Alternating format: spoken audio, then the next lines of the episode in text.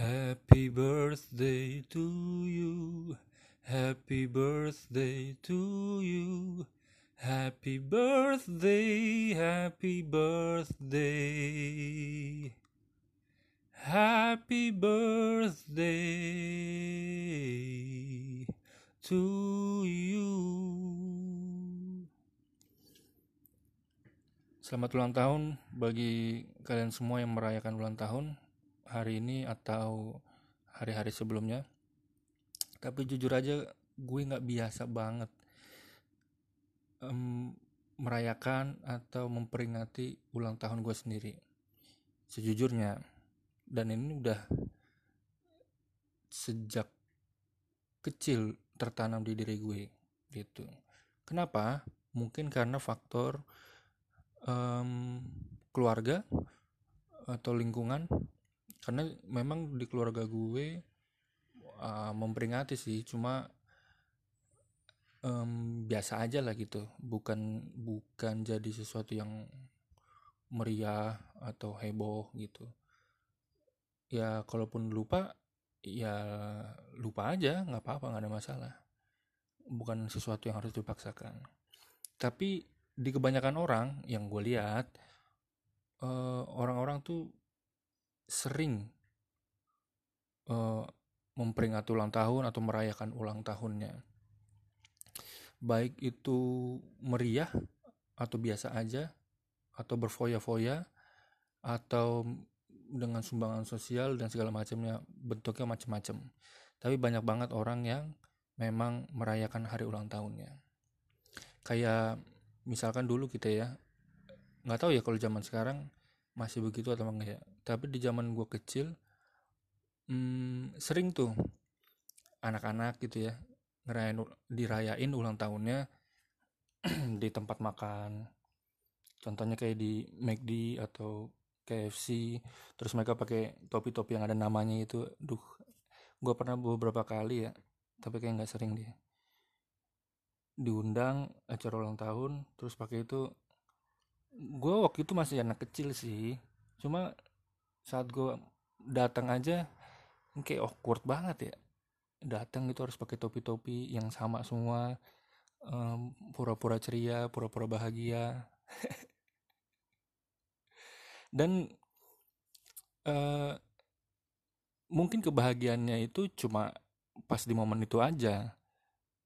Karena coba kalau dipikirin ya perayaan semacam itu bisa jadi beban loh sebenarnya beban bagi keluarga yang diundang. Jadi buat anak-anaknya nih yang diundang dia ngerayain ulang tahun temennya kan udah hore-hore udah semangat udah ceria udah bahagia gitu ya. Terus pulang dia bilang ke mama papanya nih mama papa aku nanti ulang tahun dirayain juga kan kayak gitu? Waduh itu langsung jadi beban banget pasti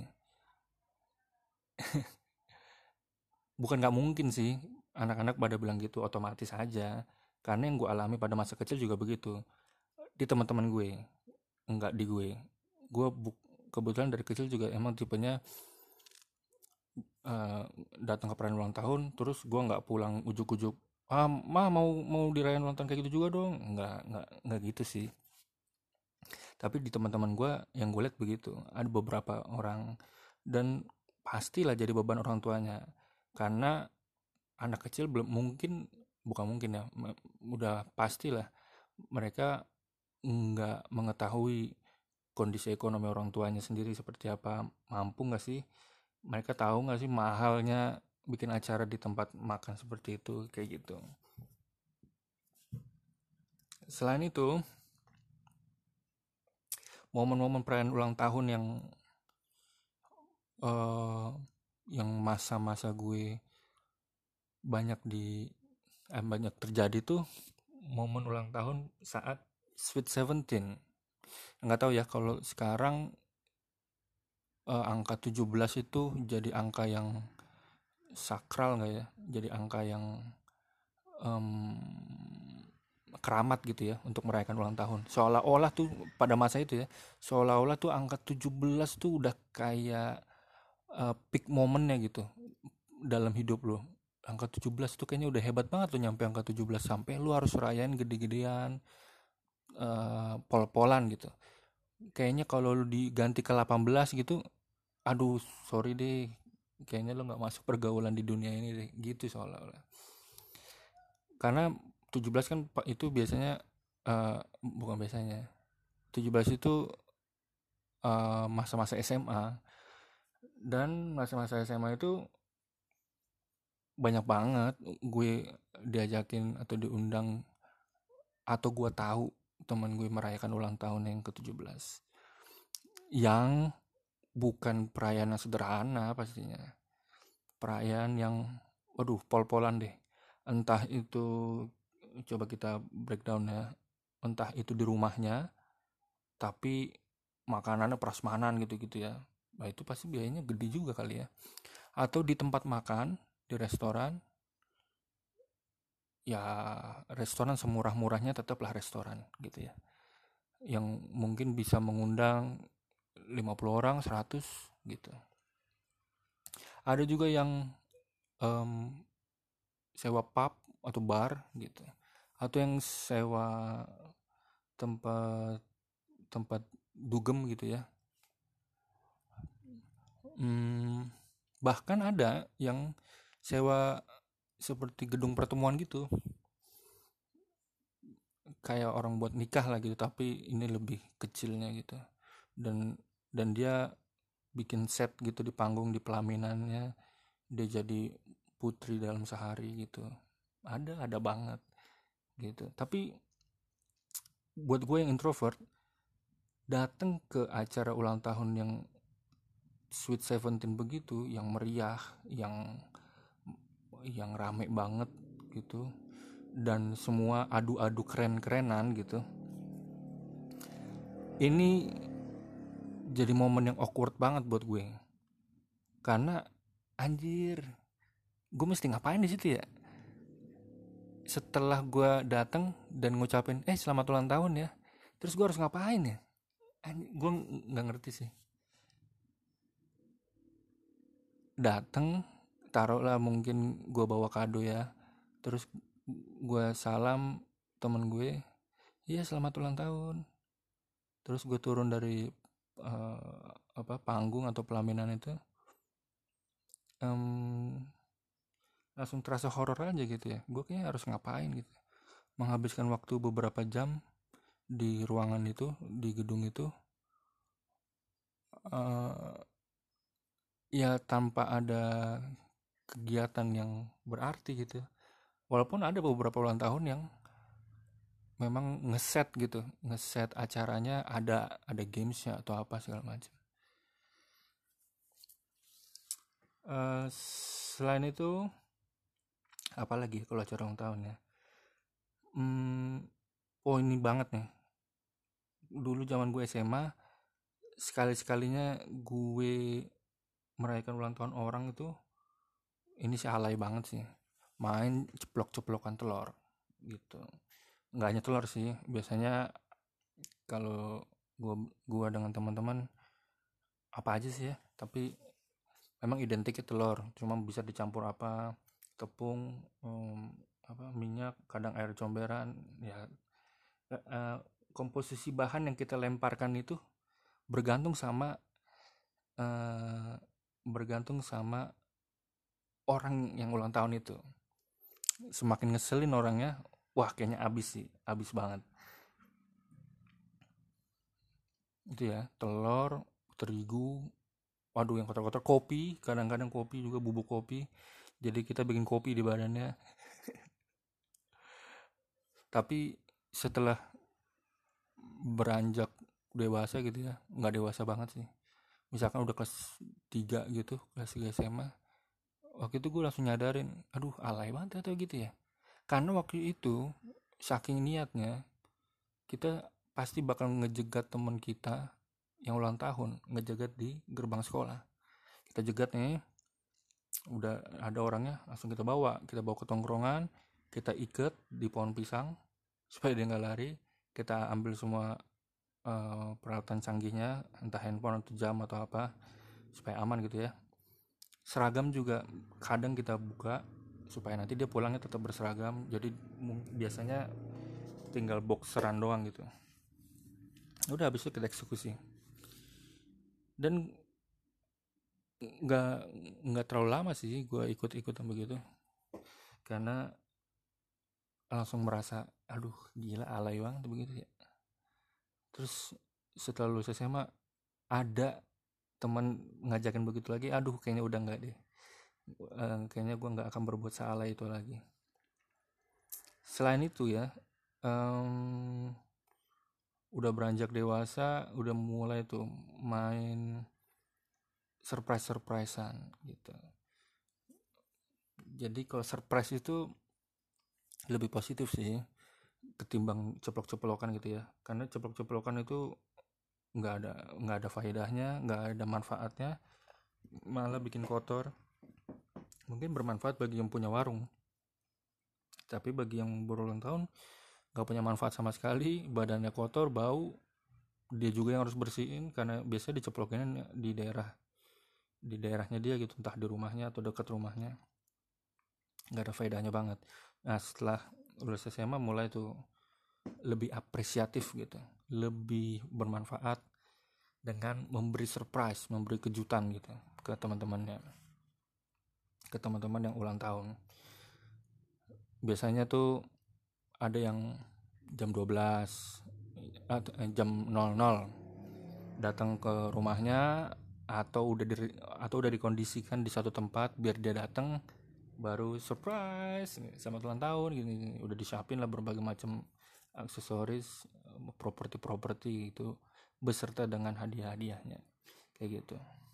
Tapi melihat pergaulan begini ya ada positifnya. Cuma ada yang janggal sebenarnya. Kalau di lingkungan teman-teman gue ya mereka secara rutin loh bisa bikin surprise. Jadi misalkan tahun ini bikin surprise. Kita surprisein si A.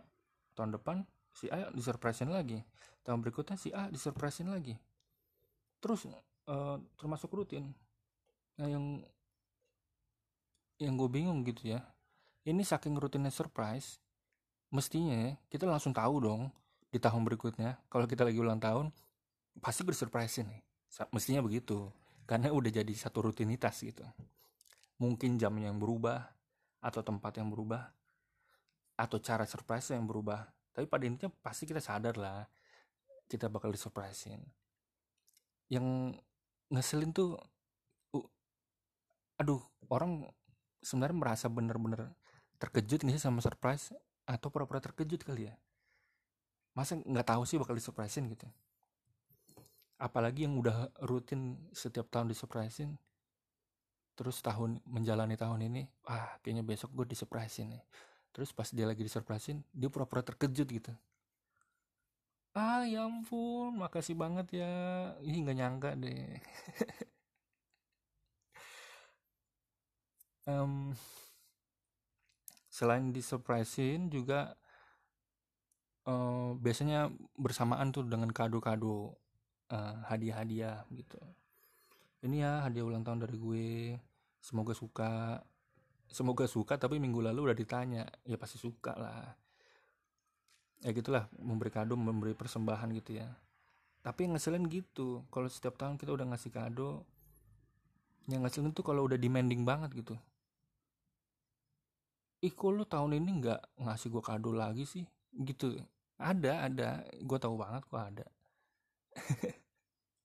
Atau malah ngebandingin dengan sama kado sebelumnya gitu kado di tahun lalu yang dia kasih yang dikasih temennya. Misalkan tahun sebelumnya dikasih kado apa ya? Um, sepatu atau pakaian yang yang bermerek yang bisa di di dikisarin seharga sejutaan lah gitu. Eh tahun ini temennya cuma ngadoin hmm, apa ya oh, sarung handphone contohnya cuma bisa ngadoin itu mungkin harga lima puluh ribu atau seratus ribu. Ih kok cuma ini aja sih? Uh, atau enggak gini? Uh, ih makasih ya. Uh, tapi nggak kayak tahun lalu deh hadiahnya. Ada nggak yang begitu ya? Tapi setahu sih ada sih. Memberi kado. Berikutnya ini sih yang um, dulu sempat berat gue lakukan. Berat banget. Yang sebelum-sebelumnya juga berat ya. Yang memberi kado ngerayain ulang tahun tuh berat-berat. Termasuk ini nih berat nih dari dari dulu gue lakuin. Cuma sekarang udah sedikit berubah. Yaitu ngirimin ucapan selamat ulang tahun. Sederhana banget tapi sejujurnya berat banget. Berat. Nggak tahu kenapa ya ngirimin ucapan selamat ulang tahun itu kayak sesuatu yang aduh nggak ngerti deh gue jelasinnya.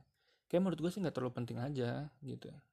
Sampai akhirnya uh, di pertemanan gue dengan teman-teman di apa di gereja gitu ya menuntut harus dong ikut ngucapin ngucapin ulang tahun ke teman-teman kita begini begini begini.